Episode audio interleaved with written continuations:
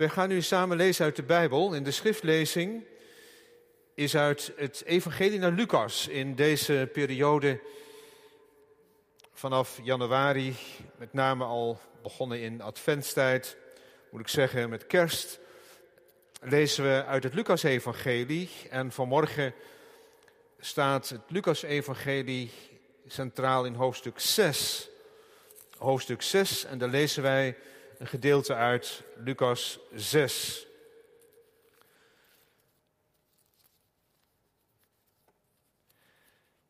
In Lucas 6 lezen wij vanaf vers 20. En toen hij zijn ogen opgeslagen had naar zijn discipelen, zei hij: Zalig bent u, armen, want van u is het koninkrijk van God. Zalig bent u die nu honger hebt, want u zult verzadigd worden.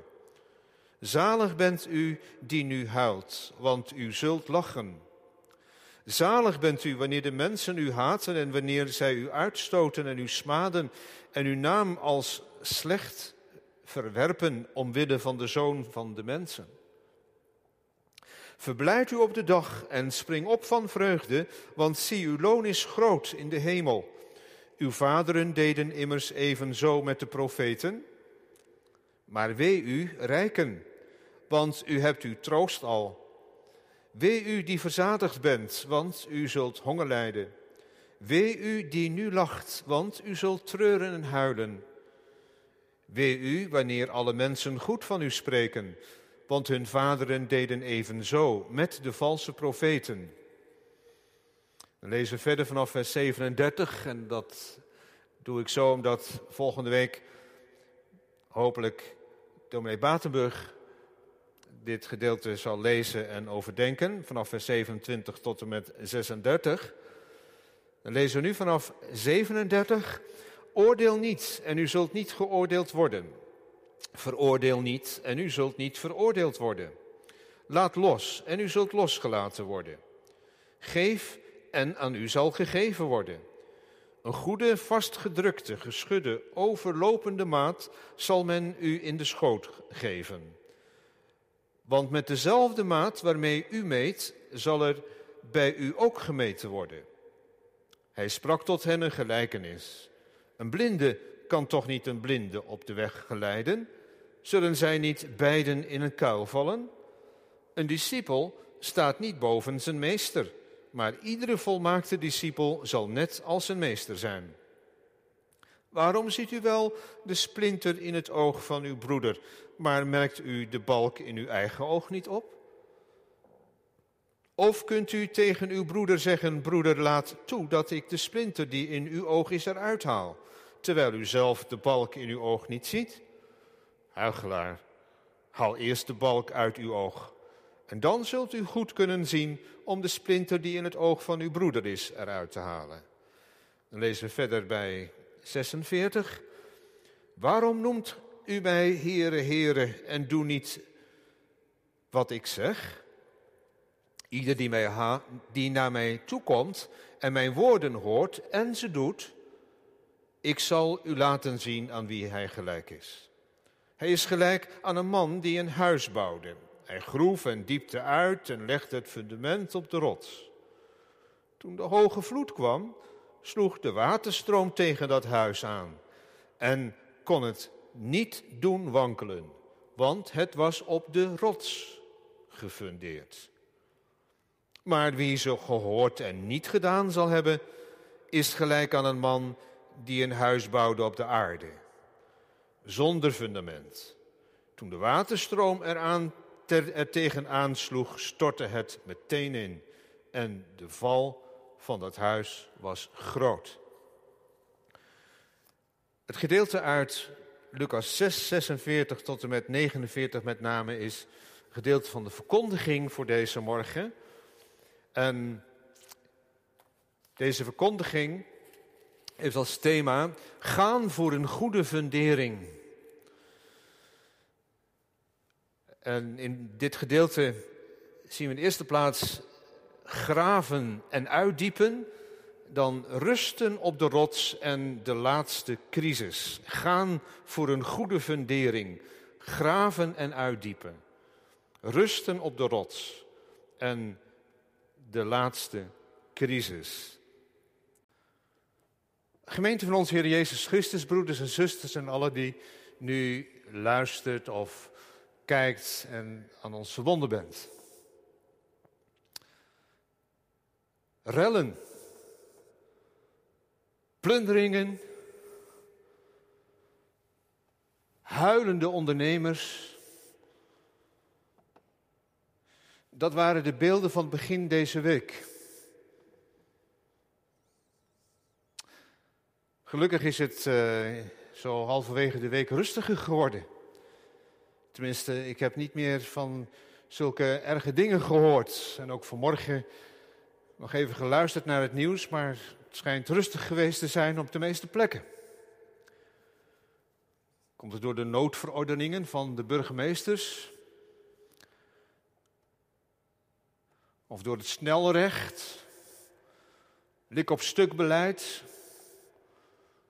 Of die uh, toespraak van de voorzitter van de Tweede Kamer om nog eens heel duidelijk te zeggen dat dit uh, niet kan in onze democratie. Dat doen we gewoon niet. Of zou het ook kunnen zijn dat een combinatie van al die dingen samen met christenen die gebeden hebben in ons land, dat die, die machten, die, die destructieve machten, die demonische machten, zo gezegd, uit onze samenleving zouden weggaan? Ik geloof het wel. Ja, ja natuurlijk ook burgervaders en ook uh, buurtvaders. Ze hebben er allemaal bij geholpen, maar het gebed. Dat dit zou stoppen. Laten we hopen dat het ook zo verder mag gaan. Dat er niet alleen maar over die jongeren wordt gesproken, maar ook met die jongeren wordt gesproken. Want er zit natuurlijk een wereld van onvrede en van alles en nog wat achter, waardoor het zover is gekomen. Of ja, misschien gewoon uh, hè, dat een uitdaging wilde hebben of wat dan ook. Maar in elk geval dat er ook met die jongeren gesproken hebben. Ik denk dat de Heer Jezus dat ook had gedaan. Met die jongeren was gaan praten. Of misschien eerst gewoon gezegd, volg mij. En uh, ja, dat er toen uh, toch misschien jongeren wakker geworden zijn en, en zeggen, ja, Jezus volgen. En dat hij daarna misschien duidelijk had gemaakt dat dit zo niet kan. En dat je ook de overheid moet gehoorzamen. Dat heeft hij ook een keer gezegd. Geef aan de keizer wat de keizer is. En dat je terug moet betalen wat je vernield hebt ook. Ja, natuurlijk allemaal. Maar, maar toch dat. Want waar gaat het om? Waar gaat het Heer Jezus om? Waar gaat het de Bijbel om? Dat wij horen en doen. Niet wanneer wij iets horen en dat in de wind slaan. En zeggen, nou, zie maar, boeien. Maar ook doen wat van ons gevraagd wordt. En wat God van ons vraagt in het bijzonder. Ja, je kent dat wel natuurlijk. Hè? Je moeder roept je en het is uh, eten. Maar ach, je bent zo druk op je kamer en je hebt dit te doen en dat te doen. En, en je wordt nog eens een keer geroepen. Ja. En als het om andere dingen gaat, om bepaalde regels, dan zeg je, Waarom moet dat nou? En boeien. Moet dat nou allemaal zo streng? En ja, ja. Nee, het hoeft allemaal niet zo streng, maar het is wel van belang dat, dat er niet zo'n groot gat zit tussen horen en doen. Want als ik, eh, om een voorbeeld te noemen, tegen mijn vrouw zeg dat ik erg van haar houd, maar verder wat ze allemaal zegt, uh, uh, als lucht beschouw en daar verder niks mee doe en uh, dat, dat die woorden van haar geen betekenis voor me hebben, dan merk je wel, dan gaat het natuurlijk niet goed in die relatie. En zo is het ook in de relatie met God. Toch? Horen naar zijn woord en doen. Daar gaat het vanmorgen over in het Bijbelgedeelte dat we samen hebben gelezen, dat centraal staat over die wijze en die dwaze bouwer. Nou, toen ik dat zo laste, dacht ik, nou, daar ga ik nou toch niet over preken, want dat kun je wel dromen. Hè? Dat kunnen jullie wel dromen. Maar al dromend werd ik wakker bij dat handjevol woorden. En je kunt ze natellen. Pak je Bijbel er maar bij. Hij groef en diepte uit. Hij groef en diepte uit. Wat hé. Hey. Dat had ik eigenlijk nog nooit zo gelezen en nooit zo op gelet. Dat het inderdaad ook zo in de Bijbel staat. Hij groef een diepte uit en dan volgt het dan en legde het fundament op de rots. Nou, daar wou ik het even wat over hebben. Dat eerste, die eerste gedachte in de preek, zeg maar, dat graven en uitdiepen. Dit Bijbelgedeelte, deze gelijkenis, slaat als het ware een accolade om het gedeelte dat eraan vooraf gaat, dat begint bij hoofdstuk 6, vers 20, de zaligsprekingen. En dan volgt dat gedeelte dat we niet hebben gelezen, vanaf vers 27, en dan verder vanaf vers 37. En het zijn eigenlijk drie blokjes. Het gaat over de zaligsprekingen, het gaat over je vijanden liefhebben en dat sluit dan aan of dat loopt dan uit op wees dan barmhartig zoals ook uw vader barmhartig is. Wat ik al zei dat dominee Batenburg bij Gezondheid volgende week daarover hoopt te preken. En dan dat derde blokje, de splinter en de balk. Tenminste, zo is het daar samengevat. Horen en doen, dat gaat op een manier van graven en uitdiepen. Wat gaan we graven en wat gaan we uitdiepen? Waar moet je op letten als je bij die rots wil komen? Hè? Dat je huis gefundeerd staat. Nou, dan begint dat hier in dat stukje dat we hebben gelezen met oordeel niet en u zult niet geoordeeld worden. Veroordeel niet en u zult niet veroordeeld worden. Laat los en u zult losgelaten worden. Nou, dat eerste kunnen we misschien nog wel iets bij bedenken. Dat we die woorden van Jezus horen en doen. Dat we niet zomaar gaan oordelen als we er ergens geen verstand van hebben. En zeker ook niet gaan veroordelen. Maar loslaten. En loslaten, dat kun je hier ook vertalen vanuit de grondtekst met losmaken. Je zou dat een manier kunnen noemen van ruimte geven, vergeven. Nee, je kunt niet altijd zomaar vergeven. Vergeven is niet strooigoed, vergeven is niet een handvol pepernoten die je door de deur gooit en zeggen: Hier heb je vergeving. Nee, vergeven kan alleen maar wanneer er ook berouw is. Dan kun je iemand vergeving schenken. Vergeven is niet zomaar een slag in de lucht. Maar loslaten kan wel. En dat is heel belangrijk. Jezus zegt dat je die woorden van mij hoort en doet. En zo je daarin verdiept, dat je daarover nadenkt. En ook in je persoonlijk leven daar vorm aan probeert te geven. Dat je loslaat. Waar je nu soms heel erg mee bezig bent. Waar je mee bezet bent. Met, met boosheid misschien, met bitterheid. Met, uh, ja, uh, dat die ander maar moet boeten. Loslaten, dat is losmaken. Als het ware iemand uit die nekklem bevrijden van. Hij zal of zij zal zijn lesje moeten leren. Of hij of zij zal Boete. Loslaten.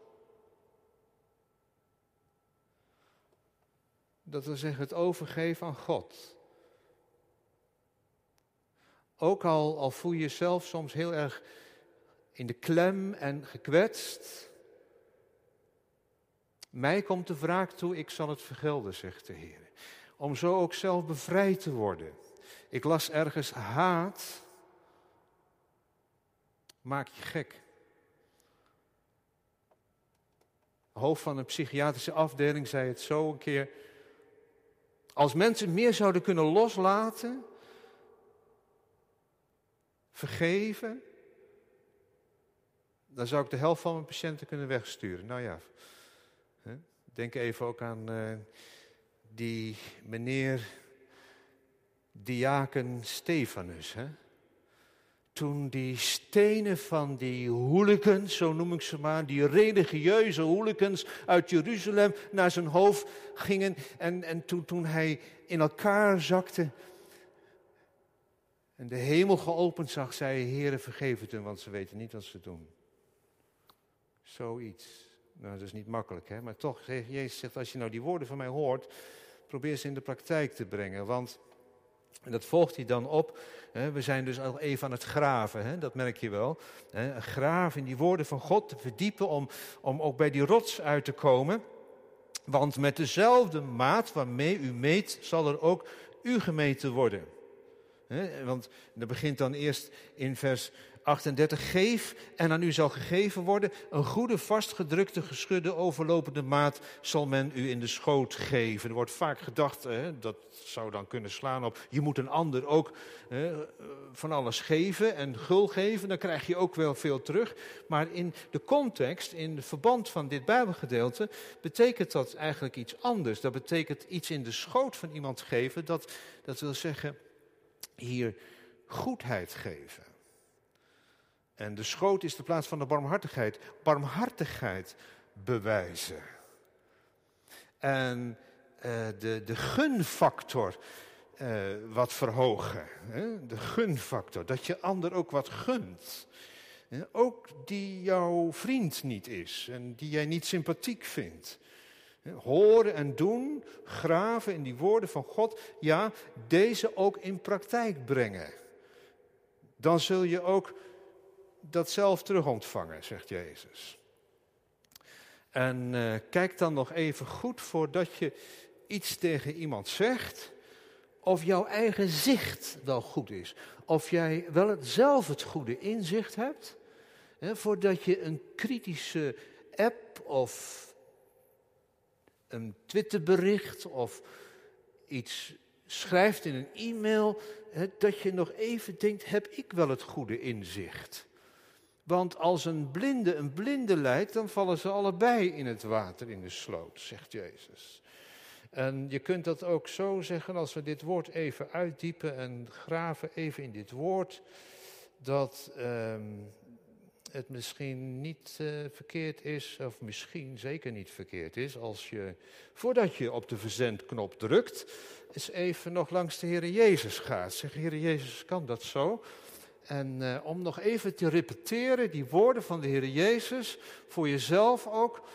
God liefhebben boven alles en de naaste als jezelf, want de discipel is toch niet meer dan zijn meester, zegt Jezus hier.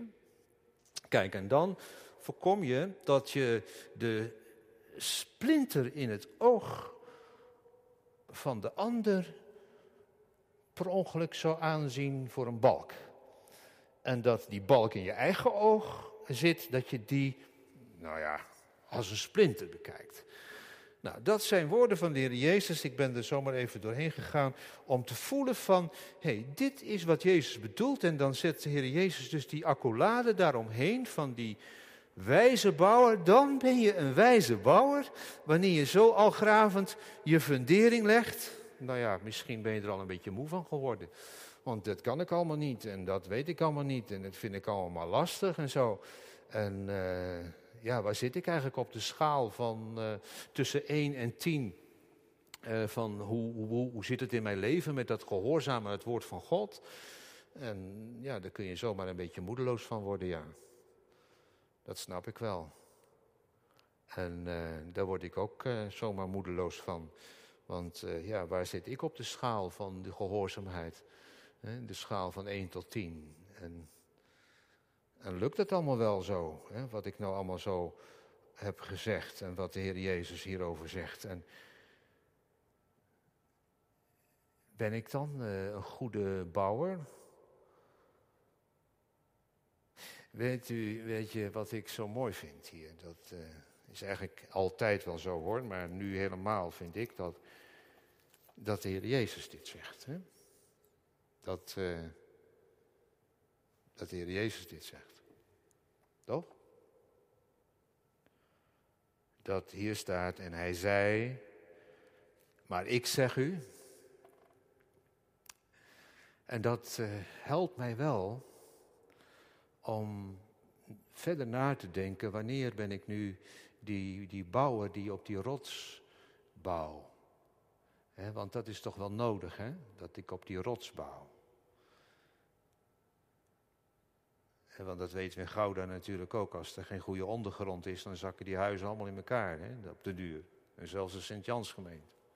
Of uh, kerk, ja. De gemeente zal het zal langer volhouden misschien dan de kerk, hoewel. Als er stormen komen, en zo deze corona zou je ook als een storm kunnen zien, als een lakmoesproef, om hoe hou je het vol als gemeente. Ja, als je niet uh, op dat fundament de Heer Jezus bouwt, of je fundament op de Heer Jezus bouwt, staat hier eigenlijk op die rots. Ja. Wat troost mij dan? Dat die rots daar is, inderdaad, voordat ik daar was. En al gravend in die woorden van de Heer Jezus horend en proberend te doen, moeten zeggen: Heer, ik, ik kom daarin tekort, maar dat u voor mij die rots bent. Toch? Er staat in Hebreeën 5, dat uh, is iets wat we denk ik ook hier best eens even bij mogen noemen. Dat in Hebreeën 5 wordt genoemd dat de Heer Jezus gehoorzaamheid heeft geleerd uit hetgeen hij heeft geleden. In de dagen dat hij op aarde was, heeft hij met luid geroep en onder tranen gebeden en smeekbeden geofferd aan hem die hem uit de dood kon verlossen. En hij is uit de angst verhoord en hoewel hij de zoon was, heeft hij gehoorzaamheid geleerd uit hetgeen hij geleden heeft. Dat is mijn houvast. Ja, ik moet horen, ik moet doen. En die woorden van de Heer Jezus overdenken. En alles wat we zo even hebben gehoord. Maar hij is zelf degene die heeft laten zien wat het betekent om gehoor te geven aan de woorden van God. Hij heeft al de woorden van God gedaan. Hij is gehoorzaam geworden tot de dood, ja, de dood aan het kruis. Hij heeft zichzelf helemaal weg laten gooien. Hij heeft zich als een steen laten wegwerpen. De rots, ja, Jezus heeft zich weg laten werpen. God heeft zich weg laten werpen door mensenhanden. Ik heb u niet nodig. Wij kunnen het zelf wel. Maar hij heeft zich laten wegwerpen. En zo is hij als een verworpene, de uitverkoren steen geworden. En heeft God gezegd, jou moet ik hebben. Jij bent mijn geliefde zoon. En op jou rust mijn koninkrijk. En al gravend in de woorden van Jezus en horend de woorden en ook die conclusie die ik moet trekken dat het mij niet lukt, mag ik geloven dat mijn identiteit in Hem is. Wat betekent dat, mijn identiteit in Hem? dat, uh, dat Hij mijn, mijn leven, mijn gerechtigheid, mijn heiligheid, dat zijn moeilijke woorden, gerechtigheid, heiligheid is. Maar dat betekent eigenlijk dat alles wat ik voor God moet zijn, dat Hij dat is voor mij. Ik, uh, ik hoorde in de ongelovige podcast, ongelofelijke podcast, een, getuigenis van uh, Monier Samuel. En hij is journalist, hij is uh, columnist, hij is transgender, hij is heel complex. Maar niet uh, man zijn, vrouw zijn of wat hij dan ook is. Waar hij heel lang mee geworsteld heeft, een enorme strijd is geweest om zijn identiteit te vinden. Dat hij zijn identiteit in de Heer Jezus heeft gevonden. Zeg, ik mag weten dat hij ook mij heeft aangenomen. En uh, is al lang geleden, maar catechisatie vroeger. Ja, ik ben gewoon een hervormde jongen hoor, maar de, dat wil zeggen, ik had Hellenbroek. Misschien herken je dat nog wel, maar dat mag je vergeten natuurlijk. Maar, uh, dat was zo'n categorisatieboekje. En er staat een gedicht staat erin voor je. En dat moesten we uit ons hoofd leren, dat gedicht. Eens was ik een vreemdeling voor God in mijn hart. Ik kende geen vrees, ik gevoelde geen smart. Ik vroeg niet naar de heiligheid van God. En ja, wat ik zelf dacht. Ik dacht dat ik wel een, uh, een aardige jongen was. Maar God heeft mij ontdekt dat het anders was. En God heeft mij laten zien, mijn heil en mijn vrede en mijn leven werd Hij. En ik boog me en geloofde en mijn God sprak mij vrij. Kijk, dat is je identiteit in Jezus vinden. En we, kunnen het, en we moeten het evangelie naar buiten uitdragen. Daar kom ik straks nog heel even op terug. Maar voor het uiten, moeten we het ook innen. Dat wil zeggen dat het ook voor mijzelf waar is. Jezus is mijn rots en zo mag ik geloven dat Hij ook voor mij het leven is. En wordt Lucas 6 inderdaad, ja, de, de vaste grond van mijn behoud. Jezus, Hij alleen. Hij is de rots van mijn leven. En op Hem bouwen, dat is een wijze bouwer zijn rusten op de rots. Ja, er is corona. Ja. Wij hopen dat dat vaccin zo snel mogelijk en bij zoveel mogelijk mensen mag komen. En dat zoveel mogelijk mensen immuun mogen worden. Maar is dat nu waar wij echt op vertrouwen? Is dat ons laatste houvast? Inmiddels zitten we in een vaccinoorlog, toch? Met uh, vaccinnationalisme en met, uh, met een prikpuinhoop. En ja, daar moet deze week ook weer over gesproken worden in de Tweede Kamer. En uh, je zou maar minister van Gezondheid zijn en zo. En, ja, nee. Als we daar alleen op letten, gemeente, dan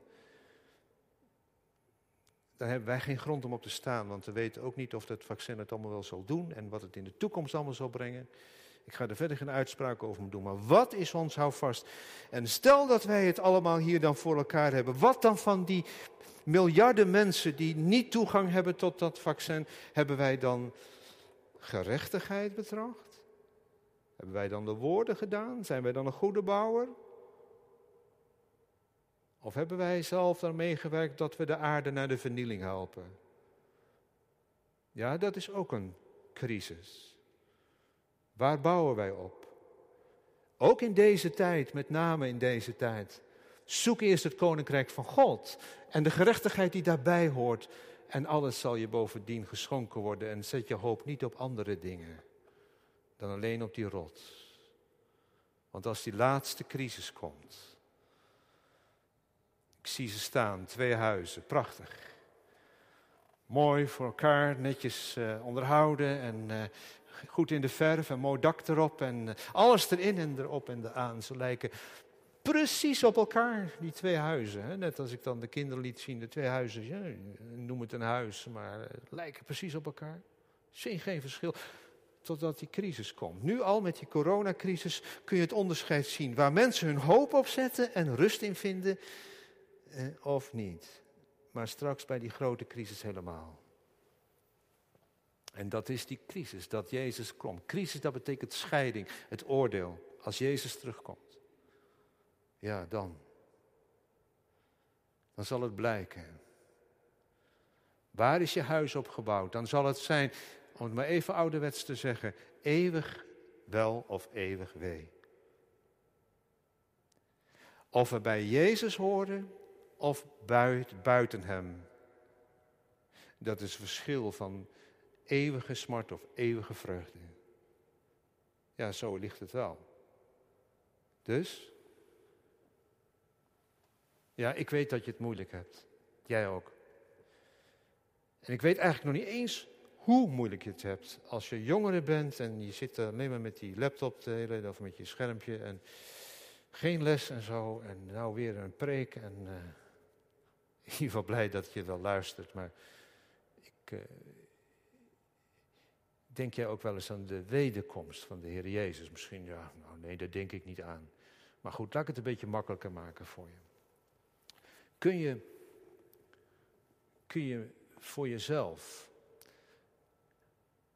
iets proberen aan te leren in deze coronatijd waar je houvast aan hebt? En dan geef ik je een hint dat je nu in deze tijd uit je hoofd leert de twaalf artikelen van de geloofsbeleidenis. Die kun je opzoeken in je Bijbeltje of uh, op internet.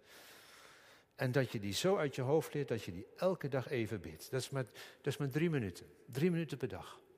Dat helpt je om door deze crisis heen te komen. Tenminste, ik, ik, ik vind dat zelf ook een enorm vast. Dat je op die rots, de Jezus, je leven gaat bouwen. En dan, als die crisis komt, als de Heer Jezus terugkomt, die grote crisis, alle crisis mag je weten, ja, ik heb ook mijn identiteit in Jezus.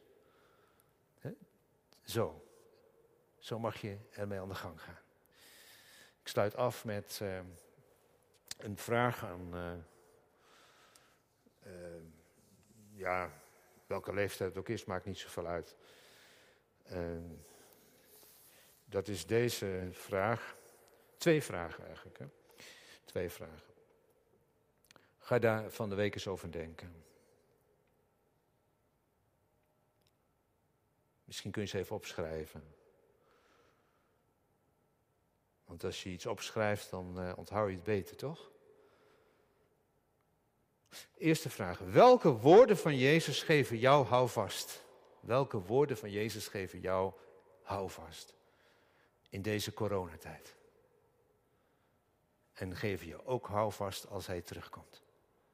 Dus vraag 1, welke woorden van Jezus geven jou houvast? Tweede vraag is, hoe zou je andere mensen kunnen helpen ook dit houvast te vinden?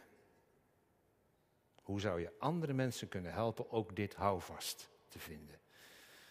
Nou, anders komt het ook wel op de app. Maar eh, ga daar van de week zo over denken. En nodig eens iemand uit die je kent. Misschien als man en vrouw kan dat zo, maar je kunt ook iemand anders uitnodigen. Om dan een uh, ommetje te maken. Ik bedoel, bedoel, niet het ommetje waar je punten mee krijgt, maar gewoon een wandelingetje. En uh, samen even wandelen. En neem die twee vragen eens mee en praat daar eens over. Wat is jouw houvast en hoe kunnen we ook dat ook met anderen delen? En intussen, terwijl uh, de dingen allemaal nog niet zeker zijn, en de noodverordening, ook in Gouda waarschijnlijk nog geldt. Ik weet niet, misschien is die al opgeheven, maar anders dan zal het hopelijk binnenkort gebeuren. Zingen we elkaar moed in en tegen alle demonische machten die in onze wereld teisteren. Geen boze macht, geen kwaad gerucht, niets is er dat mij van u scheidt. Want u regeert, u overwint, u neemt mij aan, ik ben Gods kind totdat u komt, mij roept voor goed, bent u het doel van mijn bestaan. Dat gaan we zingen. Amen.